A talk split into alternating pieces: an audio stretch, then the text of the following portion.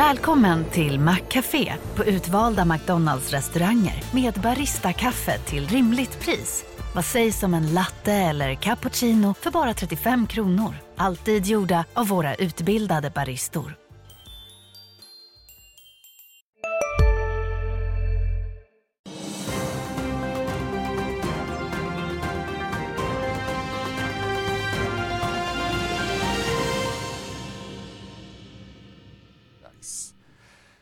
Rapportsäsongen fortsätter åtminstone i våra nordiska grannländer. Här hemma förstås fokus på fastighetssektorn. Blandat i Asien efter en tveksam dag på Wall Street igår. Det är tisdag den 9 maj, du tittar på Börsmorgon.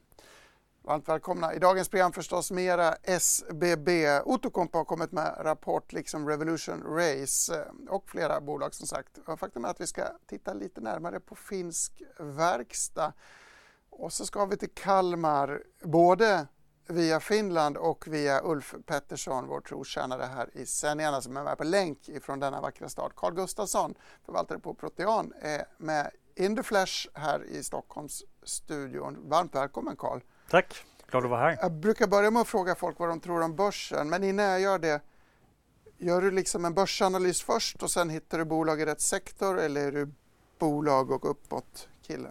Jag är en sån här klassisk bottom-up kille, så jag tittar bolag för bolag så långt det går. Och när man gör den övningen just nu så ser man ju att det alltid finns möjligheter. Det är ju grundinställningen vi har när vi sitter och förvaltar.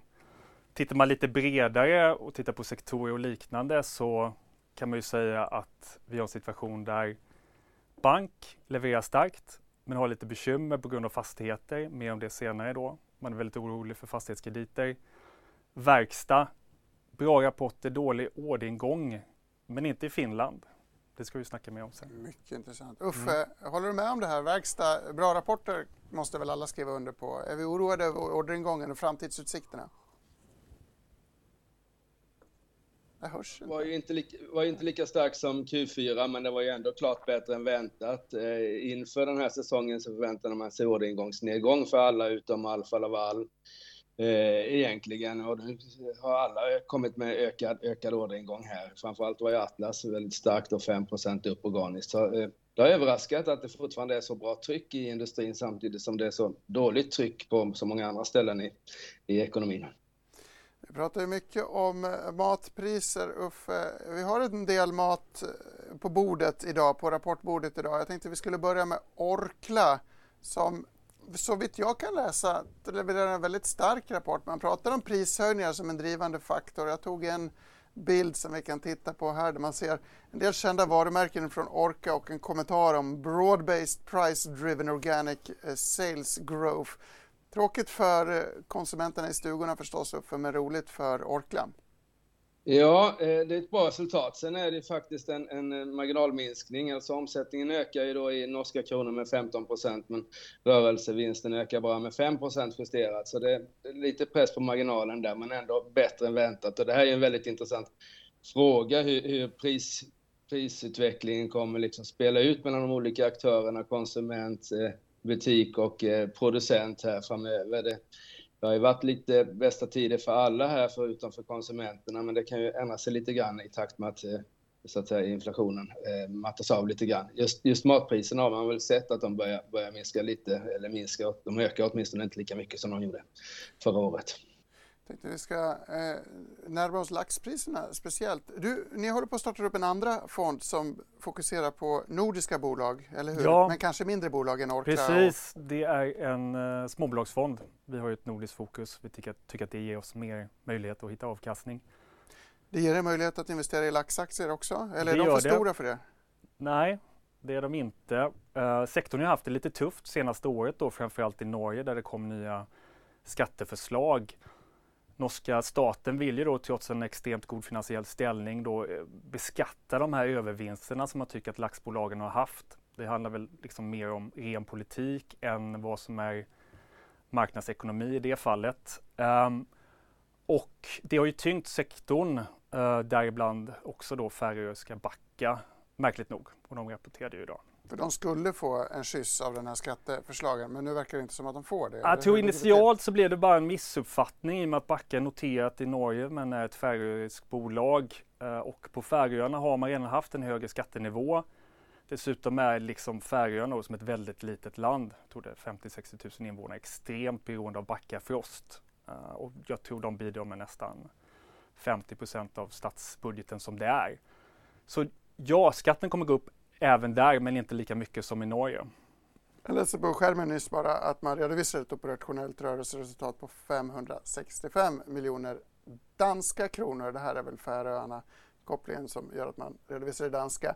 Det är mer än de 418 man körde ut för ett år sedan. Det är också eh, lite mer än väntat. Så vid en första anblick en, en hygglig rapport i alla fall.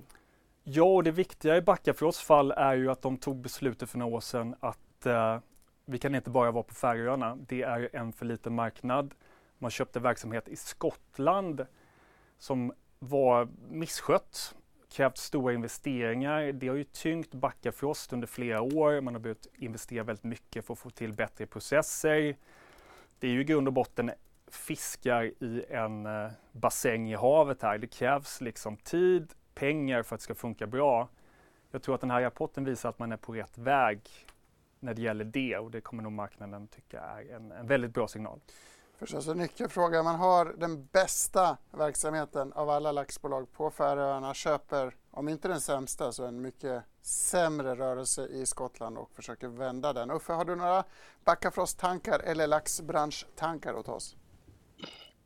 Nej, men det är ju en, en, en, en, en växande del av vår, eh, ska vi säga, Eh, Eh, den här, den här tallriken som man fick lära sig i mellanstadiet och lågstadiet, att man skulle ha en tredjedel kött, en tredjedel grönsaker, en tredjedel andra, så är ju liksom laxen en tillväxtprodukt egentligen. Eh, och så, där, så det är ju en långsiktigt intressant eh, bransch då, men det är ju så att säga, det svänger ju också med tanke på prisutveckling både in, in, in, in i sjöarna så att säga, eller de här badviken och sen så in i, ut, ut till kund också. Så, men eh, det växer ju mer än marknaden än konsumtionen av mat i alla fall.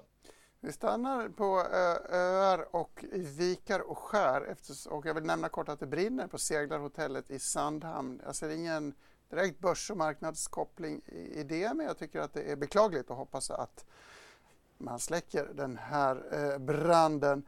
Nu ska vi se. Vi, vi, går vidare till den andra stora, stora branden eh, i SBB eh, förstås som fick sitt kreditbetyg nedgraderat igår. Slaktades fullständigt på börsen, ner 26% på D-aktien. Sent igår kväll efter att jag hade gått och lagt mig så meddelade man att man, så vitt jag tolkar det som, skjuter upp, inte ställer in utdelningen. Eh, man fimpar också den här kraftigt ifrågasatta nyemissionen i D-aktier som man presenterade för bara några dagar sedan, Uffe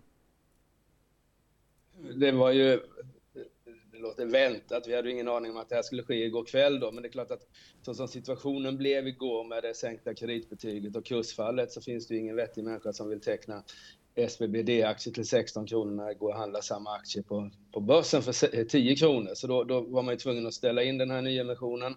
Eh, och då är man ju också tvungen att ställa in utdelningen här. Ja, det här löser ju så att säga ingenting, för det var ju pengar in och sen pengar ut, utan Ehm, vi får väl se om de kommer tillbaka med en ny emission på betydligt lägre kurs eller om man så att säga aktiverar sina fastighetsförsäljningar här. Och det har ju varit så där att det har funnits ett motstånd att sälja med reaförlust, men det är klart att aktiemarknaden räknar nog med att man kommer få sälja med reaförlusten nu, för aktiekursen är ju 8-9 kronor och substansvärdet var 26 i senaste rapporten, så att det är ingen som förväntar sig att Ilja ska sälja till, till bokförda värden så att säga. Men ja, det är tufft och den är den här inställda nyemissionen lär väl eh, eh, spä på oron, även om det kanske inte blir 26 procent idag också, så, så lär den väl öppna ner antar jag, även om handeln kommer vara extremt stor, så det kan svänga också.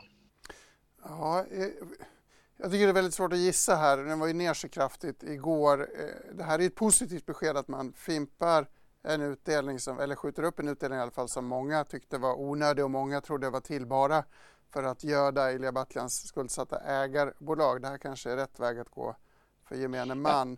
Ja, ja men alltså okej, okay, det är ju positivt, men det, det, det är ändå att en inställd utdelning i ett bolag som behöver kapital. Det är ju liksom två positiva faktorer som överväger den negativa faktorn. Så liksom rimligen så börjar aktien fortsätta ner idag på det här. Men som sagt var, det är ju ett intensivt nyhetsflöde och vi får se om det händer nya grejer under dagen här. Men, men det, det är ju inte bra och att man inte delar ut pengar, det var nog det är klart det är positivt, men det, är inte, det motverkar liksom inte, eller det väger inte upp den här inställda nyemissionen. Gillar du fastigheter som investeringsform? Äger du några fastighetsbolag själv? Nej, vi äger inget uh, i dagsläget. Uh, det vi har ägt senaste året är att vi ägt Pandox stundtals. Det tycker jag ändå är en vettig business som man kan få på en uh, bra multipel. Um, Fastigheter är ju en vettig business men det ska ju vara tråkigt. Ja precis, det har varit alldeles för spännande de senaste åren. Det har gått alldeles för snabbt och eh, man kan ju diskutera turerna fram och tillbaka i ett bolag som SBB men slutsatsen blir ju helt enkelt det är för mycket skuld. Det måste lösas. Uh, och jag menar som Uffe säger här, det är ju ett första steg att skjuta upp utdelningen men det krävs ju mera. Uh, och jag tror ju liksom, tittar vi på lite större saker i Sverige så har vi också ett bekymmer med den internationella uppfattningen kring vår banksektor. Som, vi är, väldigt, är väldigt negativ får man väl säga. Precis, precis. Vi är väldigt glada i bankerna här lokalt, låga värderingar, fantastiskt momentum. Men tittar man internationellt så är det ett extremt uppskruvat tonläge kring svenska fastigheter och svenska fastighetskrediter. Och jag, menar, jag läste i en tidning här i, i lördags och då var det en högt uppsatt Swedbank-chef nytillträdd inom det här Large Corporate Institutions eller vad de kallar det numera som var ute och sa att det krävs eh, nyemissioner, det krävs ägarbyten, eh, det kommer hända mycket saker och det ser jag väl lite som en programförklaring kring att det här är en följetong som kommer pågå i ett, två år till. För även om vi ser liksom bra värderingar sett till det bokförda värdet så vill man ju ändå se vinsttillväxt i de här namnen. Och det kanske är svårt att få till när man har så mycket skuld, räntorna på väg upp. Så vi tycker väl att eh, det är lite för spännande i sektorn fortsatt. Lite för spännande i sektorn. En väldigt intressant poäng som jag inte har några svar kring men funderar mycket på för är ju smittorisken till bankerna. Den utländska bilden har varit väldigt negativ. Den svenska bilden är ju att våra banker är väldigt duktiga. Handelsbanken pekas ibland ut som värst i gänget medan alla svenskar tycker självklart att Handelsbanken är tryggast. Dina tankar kring sektorrisk för bank här? Ja, men det, det du säger Gabriel är ju ohyggligt intressant. Den, den, den, den stora skillnad som finns bland utländska investerares syn på svenska banker och svenska eh, allmänhet och investerare syn på, på svenska banker. Och det har att göra med fastighetssektorn. Och vi läste ju de här bankrapporterna som kom för en, två veckor sedan och man sitter så att säga med panterna, när man är den som har läg, så att säga störst, störst säkerhet i sina lån och man kan palla med så att säga, värdefall på fastigheterna på 30, 40, 50 procent innan, eh, så att säga, innan, innan det skiter sig på riktigt. Men ja, vi, vi får ju se här. Det är alltså en, det som har hänt senaste året, det är ju att räntorna har stigit på ett sätt som vi aldrig har sett tidigare. Alltså vi har ju sett räntor som är högre än det här, men vi har inte sett en uppgång på flera hundra procent, så att säga, om man pratar procent och inte procentenheter. Och det, det kommer, ju, kommer ju hända saker och det kommer ta tid också. Och det är ju, så att säga, obligationsmarknaden är ju, är ju i stort sett stängd och då är det bankerna som ska så att säga, omfinansiera alla dessa fastighetslån. Och det, de sitter ju där och de kommer välja liksom det som är bäst och det som inte är lika bra kommer få det jättejobbigt. Så det är, eh, ja det, vi får se. Det, det här tror jag inte är något som är över nästa kvartal eller så, utan det här är en fråga som vi pratar år. Eh, apropå det Carl, innan vi går vidare. Bo, du nämnde den här intervjun med Bo Bengtsson som är chef för Swedbanks företagsaffärer i lördags. Utmärkt intervju av Martin Rex för övrigt. Tror du att han gjorde den intervjun för att signalera någonting? Ingen uttalar sig i media utan ett syfte. Det finns ju en anledning till att jag är här. Vi ska lansera en ny fond. Så man, det är ju självintresset som pratar i sådana här situationer. Så jag tror att det var en programförklaring internt i Swedbank så att alla stackars kreditchefer och eh, företagspersoner eh, som sitter med sina kunder ska kunna peka på något. Vad har chefen sagt? Jag tror även det var externt jag, menar, jag tror bankerna behöver liksom ett gemensamt grepp kring det här. Så det, jag menar, bankerna är välskyddade, de kommer klara sig det här bra, man mycket bättre kapitaliseringsgrad nu än för 15 år sedan. Det kommer gå bra, men det kommer vara en oro som kommer bestå och det kommer hålla tillbaks aktiekurserna i de här namnen. Det, det tror jag verkligen. Eh, kort och innan vi går vidare. Flera fastighetsbolag handlades ner ganska kännbart på det här beskedet igår. Jag skrev en artikel om att flera fastighetsbolag också kommer bli nedgraderade även om få av dem balanserar på gränsen till eh, så kallad skräpstatus som är ett fullt ord, men icke investerings, icke trygga ja. obligationer. Tankar om fastighetssektorn? Ja, förlåt. Ja, så, så, så, så, är det ju och det som Karl är inne är ju helt rätt och det, det som är avgörande nu det är vilken ägare som, som äger de här fastighetsbolagen. Starka ägare kommer ju gå ut som vinnare och svaga kommer vara rejäla förlorare och det som har hänt nu är att de som vi såg som väldigt starka för två år sedan då är eh, ja, Selin och, och, och Ilja och Rutger inte är starka längre utan då är det Akelius och Castellum som, som är starka här och det kommer ju innebära en mängd affärer framöver. Kanske av fastigheter men även av hela bolag. Det tror jag ju kommande månaderna till och med eller åtminstone året. Och en mängd affärer får vi förstås redan nu för klockan har slagit nio. Börsen är öppen. Dags att ringa i klockan.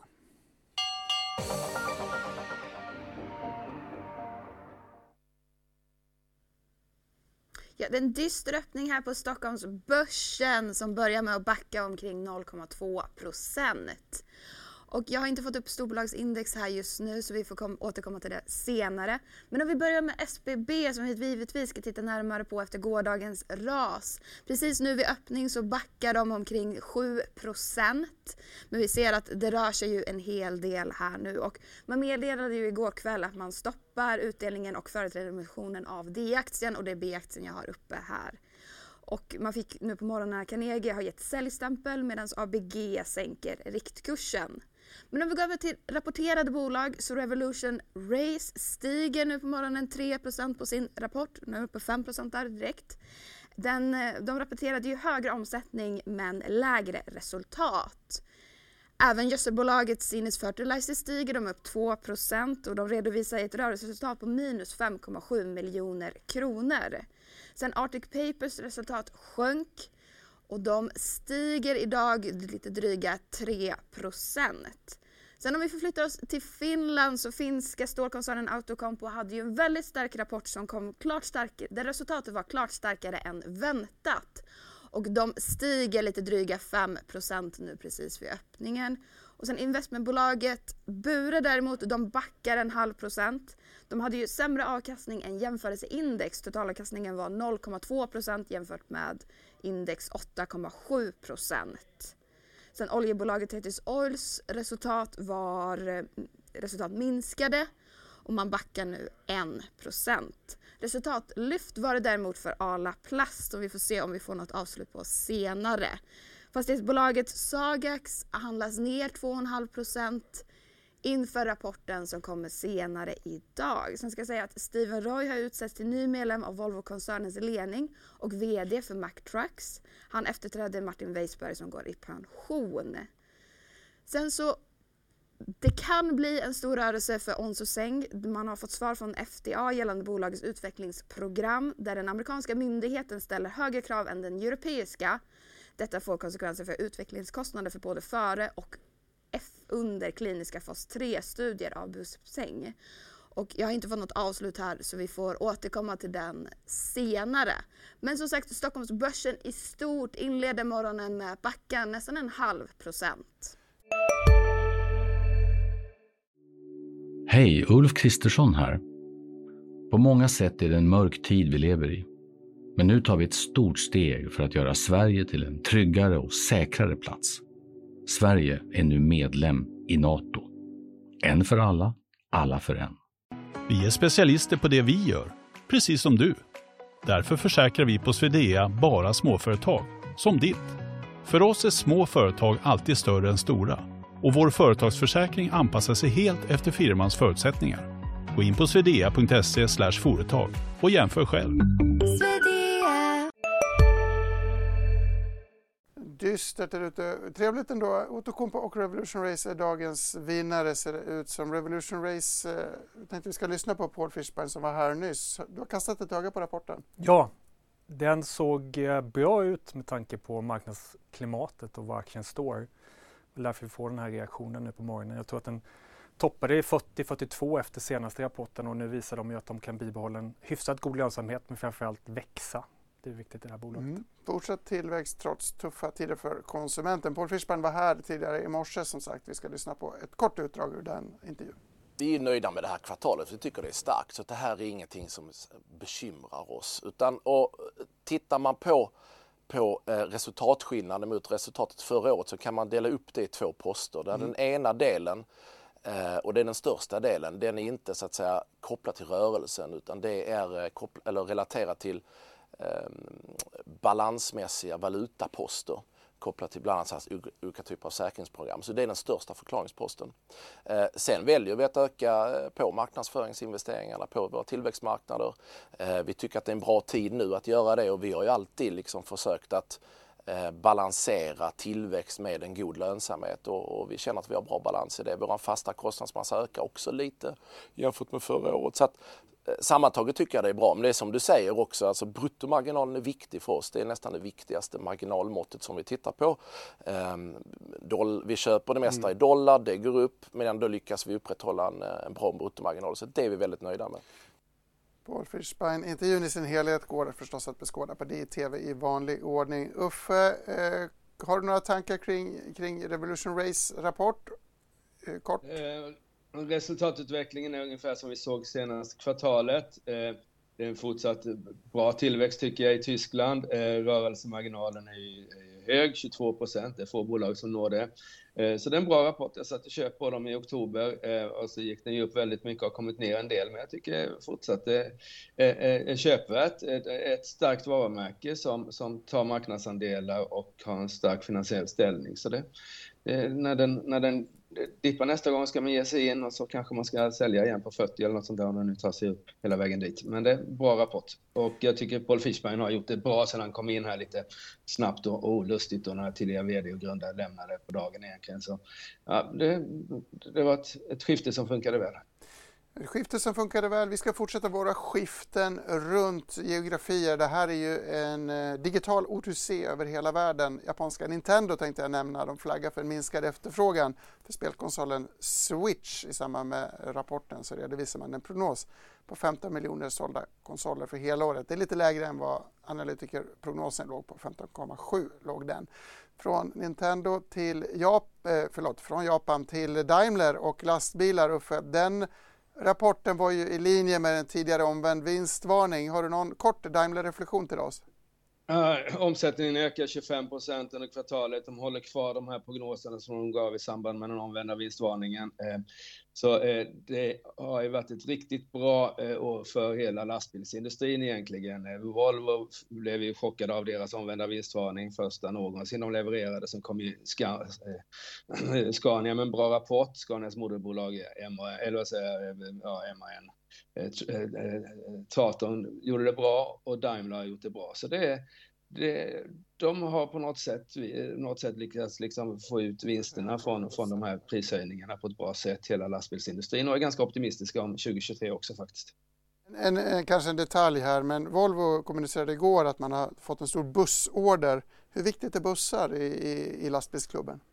Inte speciellt får man väl säga. Det är traditionellt sett låg lönsamhet på bussar. Jag vet att man försökt göra lite förändringar i hur man har sin struktur i den typen av division.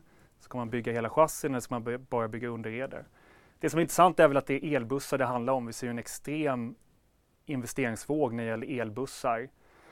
Egentligen mer lämpat för elektrifiering än vanliga bilar i och med att du har din fasta rutt. Och, så det är ett intressant område, elbussar. Mm. Ja, jätteintressant. Jag åker gärna buss vill jag berätta för tittarna. Cykel också för den delen. Men Flyg eller färja får man om man, tar, om man ska åka till Finland och dit ska vi nu. Outokumpu är med oss eh, genom finanschefen Pia Altonen Forsell. Det tycker vi är väldigt roligt. Pia, varmt välkommen. Jag tolkar det som att rapporten är visserligen lite svagare än i fjol men mycket starkare än förväntat och på det stora hela väldigt stark. Håller du med om den beskrivningen?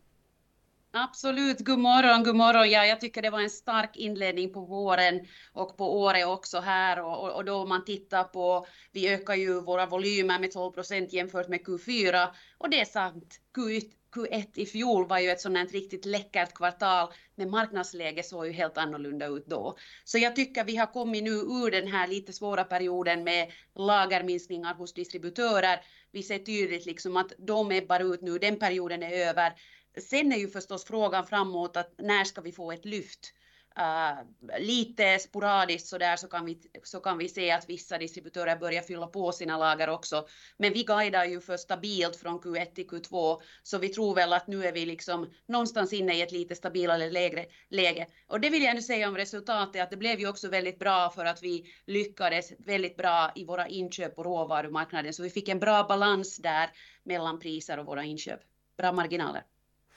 Eh, jätteglädjande då att den här lagereffekten eh, är slut hoppas vi.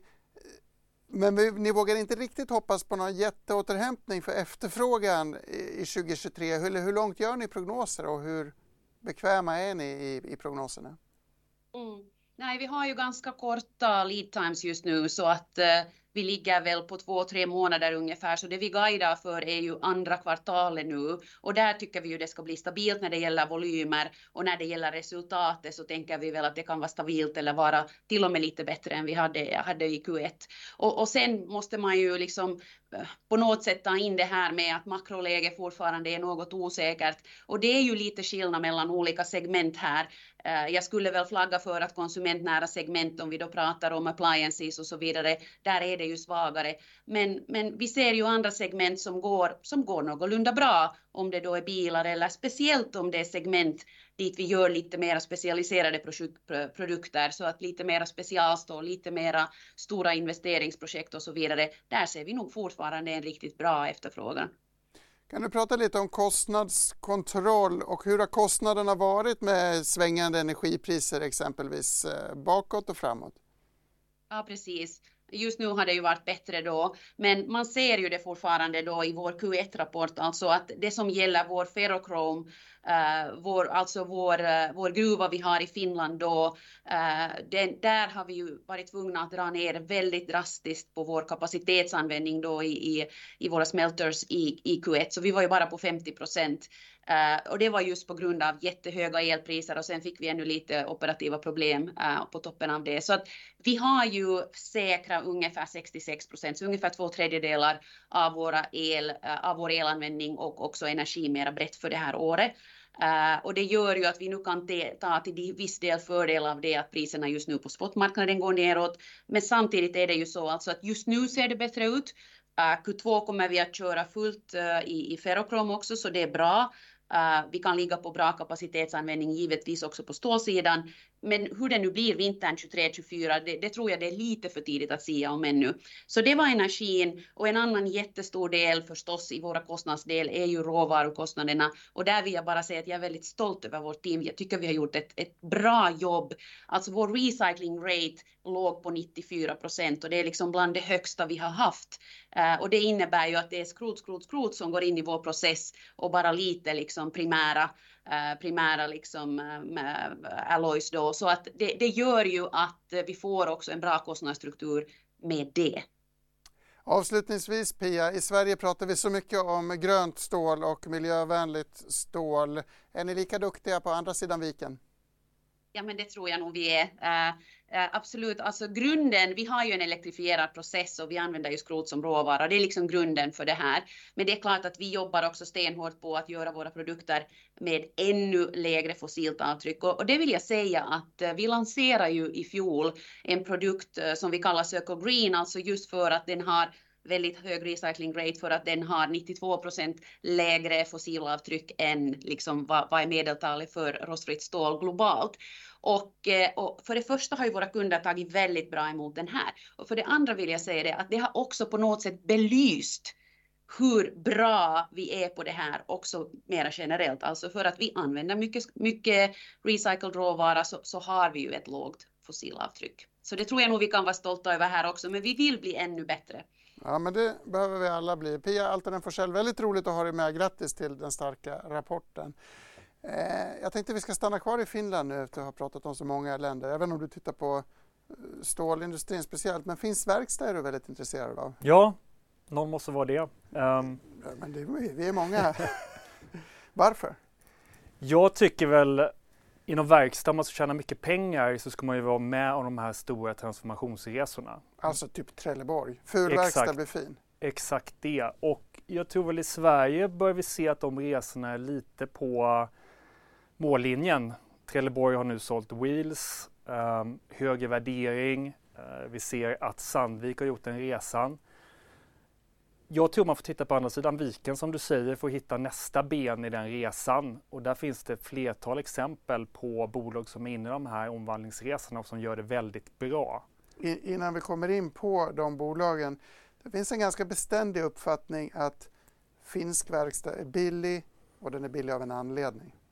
Precis. Att den är dålig. Alltså, det, det är den ju inte, men kanske mindre effektiviserad och mm. mindre fintrimmad än den svenska. Jag tycker att det är en, en, gammal uppfattning. Jag förstår varför den har funnits. Man ser det ofta i aktiekurserna i de här bolagen. Så fort inköpschefsindex, PMI trendar ner faller aktierna mycket.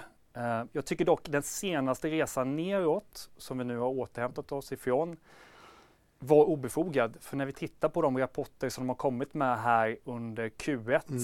så blir man väldigt imponerad av vad som är på väg att ske i de här bolagen. Om vi tittar på orderläget då för att vara lite framåtblickande, hur är temperaturen där? I stort sett alla finska bolag slog ju förväntningarna på orders i, i Q1. Eh, Cargotech eh, var det enda som kom in ungefär som förväntan. I övrigt såg vi väldigt starka siffror från framförallt Cranes, Metso. Gjorde väldigt bra. Och tittar vi också då på resultatleveransen eh, så var det ju rejäla beats relativt förväntansbilden. Titta här, Corner Cranes och Cargotech kom in nästan 40-50% över förväntan. Och här har vi då ett läge där man levererar på efterfrågan.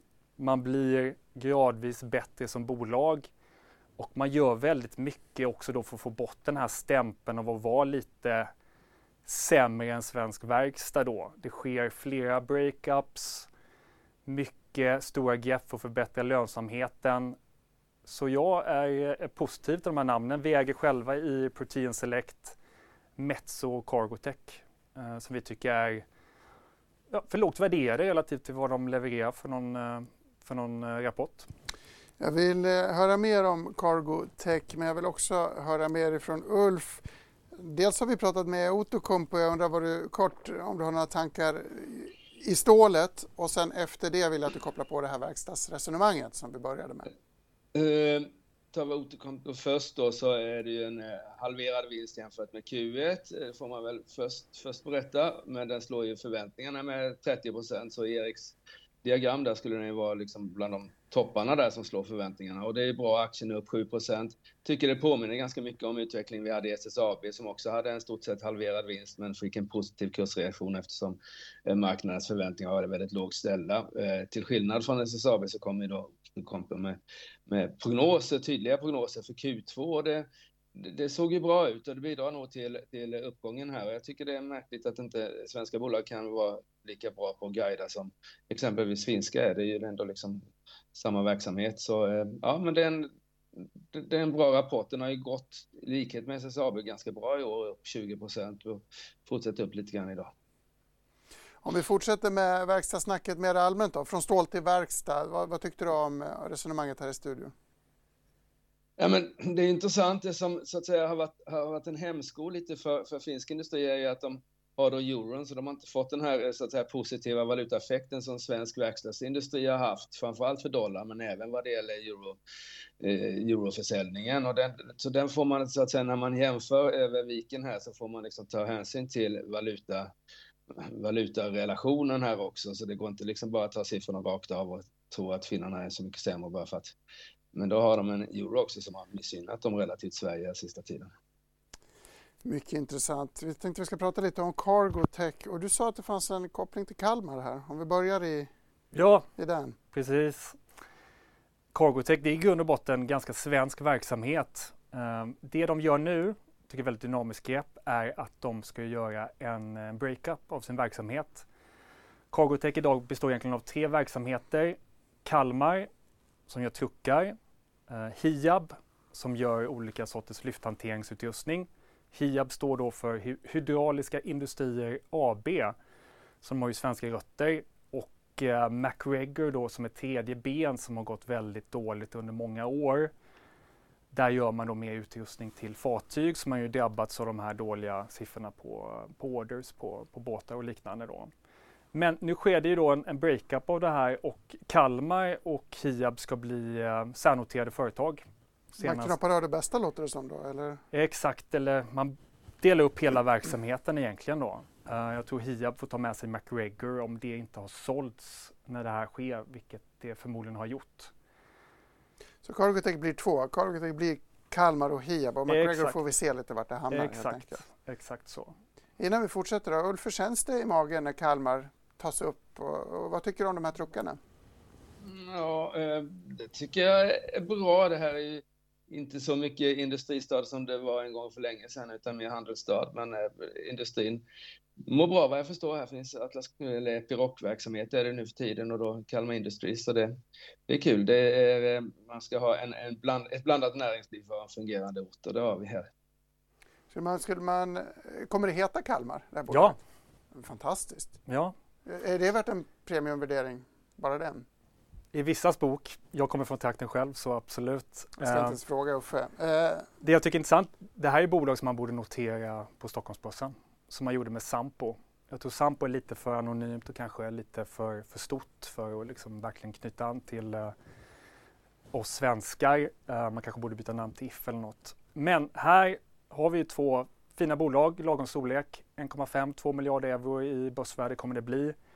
Jag tycker man tar och noterar dem även här i Stockholm så kan vi som fokuserar på svensk, eh, svenska småbolag också köpa in det i fonderna. Då.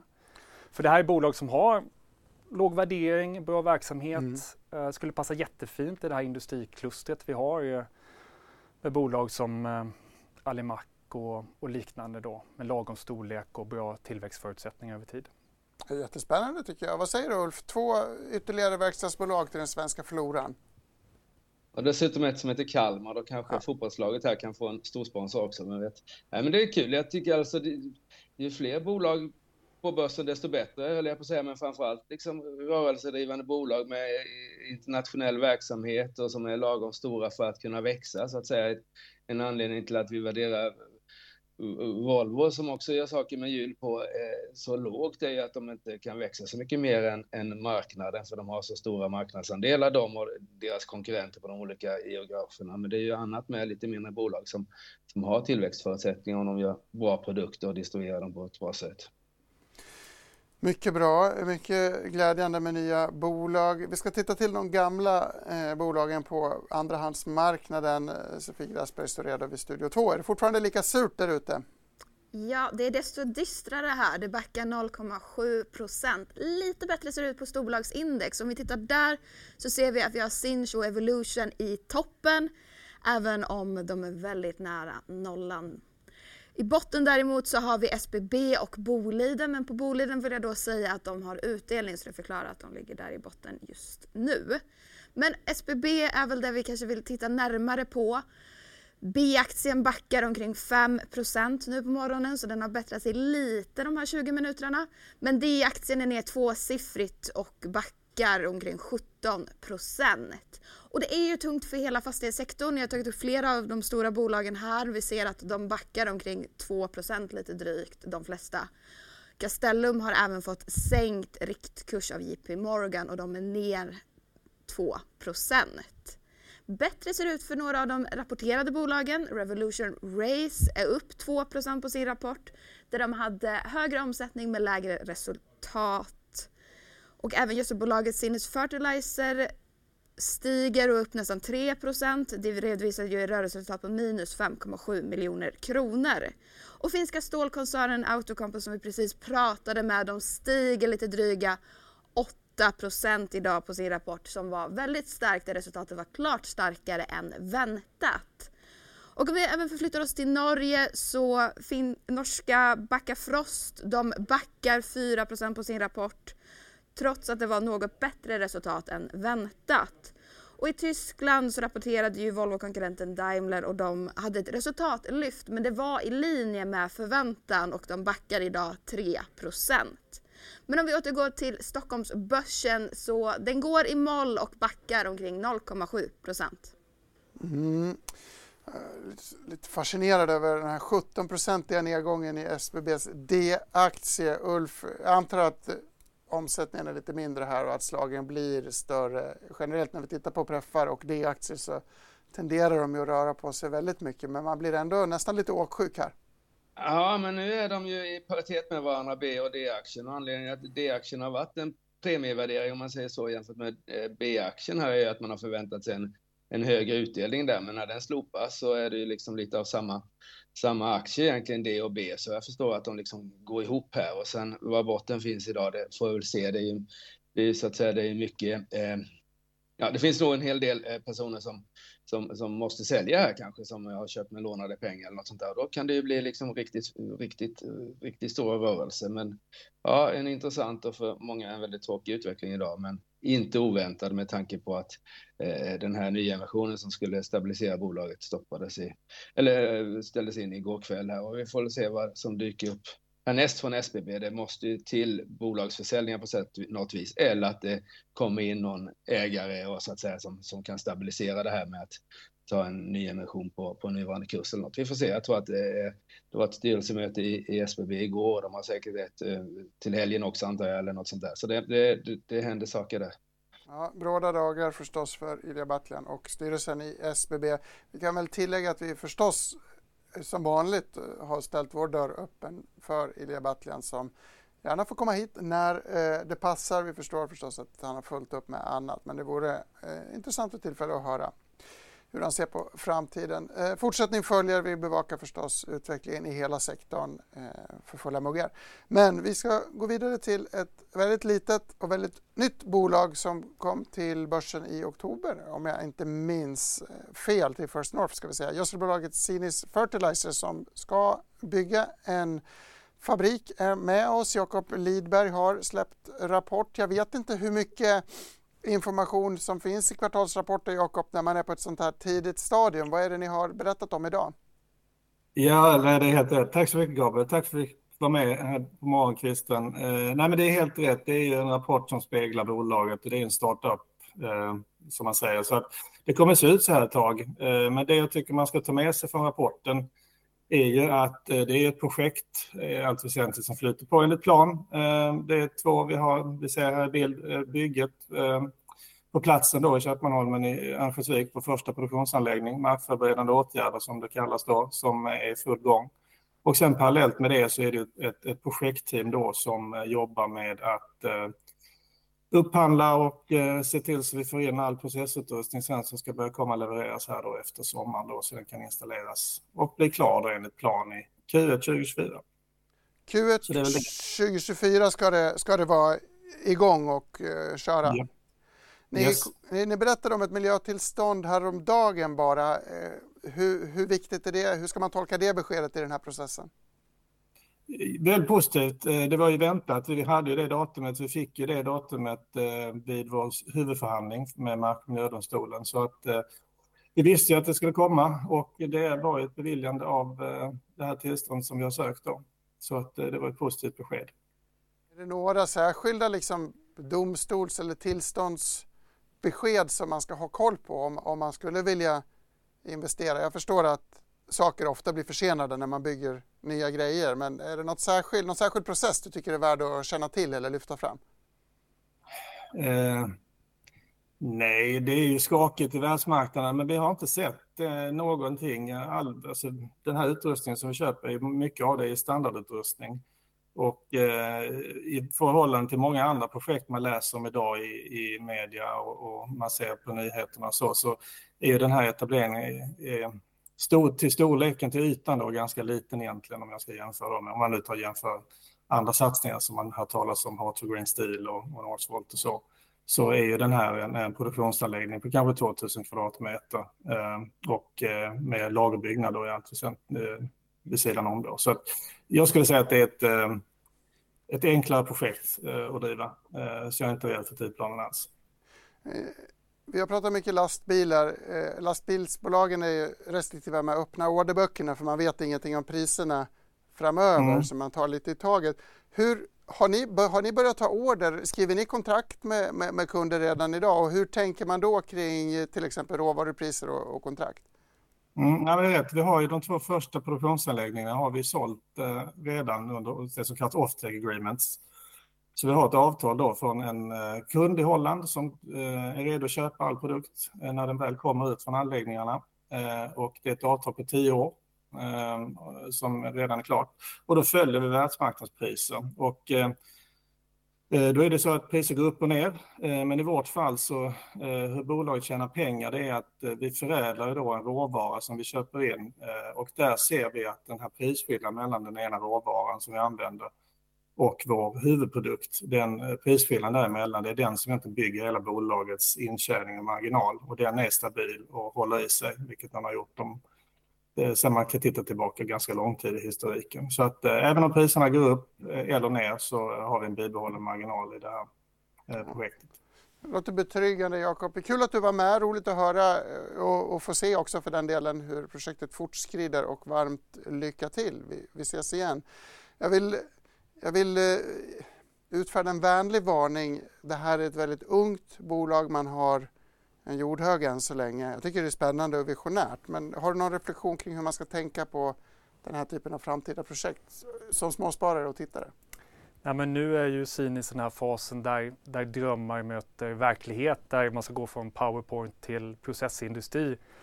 Och det är en väldigt kritisk fas. Mycket kommer att avgöras under det kommande året för dem. Um, som förvaltare under många år så har man ju alltid lite lite skymt av en kall kår när man hör talas om stora fabriksprojekt. Nu är det lite mer begränsad skala här, men vi har ju många som har haft bekymmer med liknande då kanske större projekt senaste fem åren. Ta ett Billerud, problem i Sverige, nu ska man in i USA. Vi har Nobia som har stora bekymmer med sin nya anläggning. Ehm, så håll koll på, på utvecklingen noga. Håll koll på utvecklingen noga. Uffe, eh, vill du tillfoga något på Sinis? Annars tänkte jag kort att vi ska spana lite Riksbank innan vi tackar för kaffet. Nej, men det är ju det är ett intressant projekt och det liksom ligger i trenden då, eller ligger i tiden med, med eh, hållbara investeringar. Eh, och sen så är det ju så att säga stort att gå från 0 till 100 här. Eh, de har ju en del kapital i balansräkningen nu, men det är ju ett högriskprojekt så man ska inte satsa alla sina pengar på den här eh, aktien. Eh, tycker jag inte, men jag har ingen, ingen anledning att liksom idag döma ut bolaget på något sätt, för det är för tidigt, för de, har inte, de är inte där än. Liksom. Eh, jag vill, innan vi, ja, det, är, det är tidigt och det är hög risk, det kan väl vara ett budskap. För jag gav dig hemläxa att läsa på om något som heter SLOS. Jag vet inte om du har hunnit göra det. Det handlar om hur amerikanska banker ser på tillvaron. Det kom en undersökning ifrån igår som fick eh, rätt mycket uppmärksamhet. Det verkar som att man drar åt kranarna lite grann. Vi pratade ju om bankrisk kopplat till fastigheter här. I USA har du ju bankrisk kopplat till fastigheter och till bankoro i sig själv förstås. Eh, han du kolla på SLOS och, och annars kan jag väl säga att det är väl inte så förvånande att man blir lite försiktigare i det här läget. Nej, det hann jag göra. Jag undrade vad det var för förkortning du skickade till mig där. Men eh, det, det gjorde lite grann och det stämmer. Det är en kredit, kreditåtstramning i USA. Eh, vi har ju sett samma kreditåtstramning egentligen i Sverige här. Det var ju knappt någon utlåningsökning alls bland de stora bankerna och det är ju det, är det som händer nu när eh, eh folk som har, liksom god ekonomi väljer att amortera eller att inte ta upp så mycket lån och, och de med dålig ekonomi som skulle vilja ha lån där bankerna är mer restriktiva. Så vi är på väg in och det är ganska historiskt skifte det här som vi, som vi ser då. Den här kredittillväxten som inte finns längre har vi inte sett på många, många år i Sverige och den finns även i USA och hur det i förlängningen kommer ju det här eh, påverka eh, tillväxten i ekonomin, för den är ju väldigt mycket driven egentligen att vi haft en kreditexpansion under årtionden som har så att säga, drivit på investeringar och, och BNP. Och, så det gäller ju att vi får fart på det här igen, men jag förstår att den är neråt nu med tanke på ränteuppgången ränte eh, eh som har varit. Och då kanske din följdfråga var då Riksbankens protokoll som kom här för en stund sedan, eller var det något annat du ville prata om, Gabriel? Vi kan ta det väldigt kort. Jag har tittat på det medan du pratat. Det verkar ju som att man gör en avvägd bedömning, tycker att räntan är för hög men vill bromsa på takten lite grann. Är du, gör du samma tolkning som jag? Ja, det är ungefär vad de sa förra gången också egentligen och de vill ha även en skrivning om den svaga kronan här och att den önskar att den stärks. Så tittar man på hur kronan har utvecklats här sen under tiden vi har suttit och pratat och under tiden som Riksbanken har släppt sitt protokoll så har den faktiskt stärkts lite grann mot, mot eh, eh euron här idag. Eh, men eh, den är fortfarande låg. Det är fortfarande långt över 11 kronor. Men ja, lite, lite, lite grann att man liksom inte har gett upp den här tanken om att försöka stärka kronan eh, verbalt i alla fall. Vi får se hur tanken på att stärka kronan går. Det här med att bankerna blir stramare och vi går in i en mjukare konjunktur. Påverkar det din, det din bottom-up-analys som vi började eh, programmet med att prata om i någon väsentlighet? Eller tittar du på bra bolag i alla lägen och så får du tuff, tuffa på? Ja, men det finns ju möjlighet även de här som har lite större skuld. Man får bara göra liksom annat angreppssätt i analysen. Man kan kolla på obligationer och så vidare. Vi handlar lite bonds själva. Bra ingångspunkt för att kunna ta, ta reda på vad, hur, hur, man ser på situationen i, mm. i de fallen. Men det skapar ju också möjlighet om du har något som är skuldsatt och, och de tar rätt åtgärder, löser det, får du ju fantastiska resor på, på, uppvis, på uppsidan. Liksom. Vi tar Trelleborg som, jag menar finanskrisen 2008 stod väl i 20 spänn då behöver du göra lite nyemission och så vidare. Så det, det fin finns alltid möjligheter. Det är väl vårt sätt att se på det. Det finns alltid möjligheter och de möjligheterna fortsätter vi att följa tillsammans här i, i TV-studion förstås. Men nu är det slut för idag. Vi säger stort tack till Carl Gustafsson, förvaltare på Protean och eh, stolt pappa till en andra fond och även till Ulf Pettersson, även han stolt pappa om än inte till en fond i dagsläget i alla fall. Men han har haft fonder förut. Han är vår vän i viken och vår boj i bukten. Eh, Gabriel Mellqvist heter jag. Tackar för mig och önskar er lycka till där ute. Vi hörs och ses snart igen.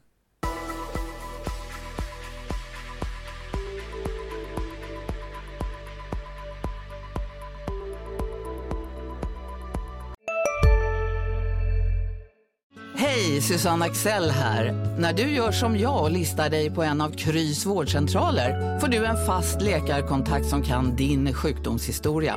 Du får träffa erfarna specialister, tillgång till lättakuten och så kan du chatta med vårdpersonalen. Så gör ditt viktigaste val idag, lista dig hos Kry. Ska några små tassar flytta in hos dig? Hos Trygg Hansa får din valp eller kattunge 25% rabatt på försäkringen första året. Läs mer och teckna djurförsäkringen på trygghansa.se. Trygg Hansa, trygghet för livet.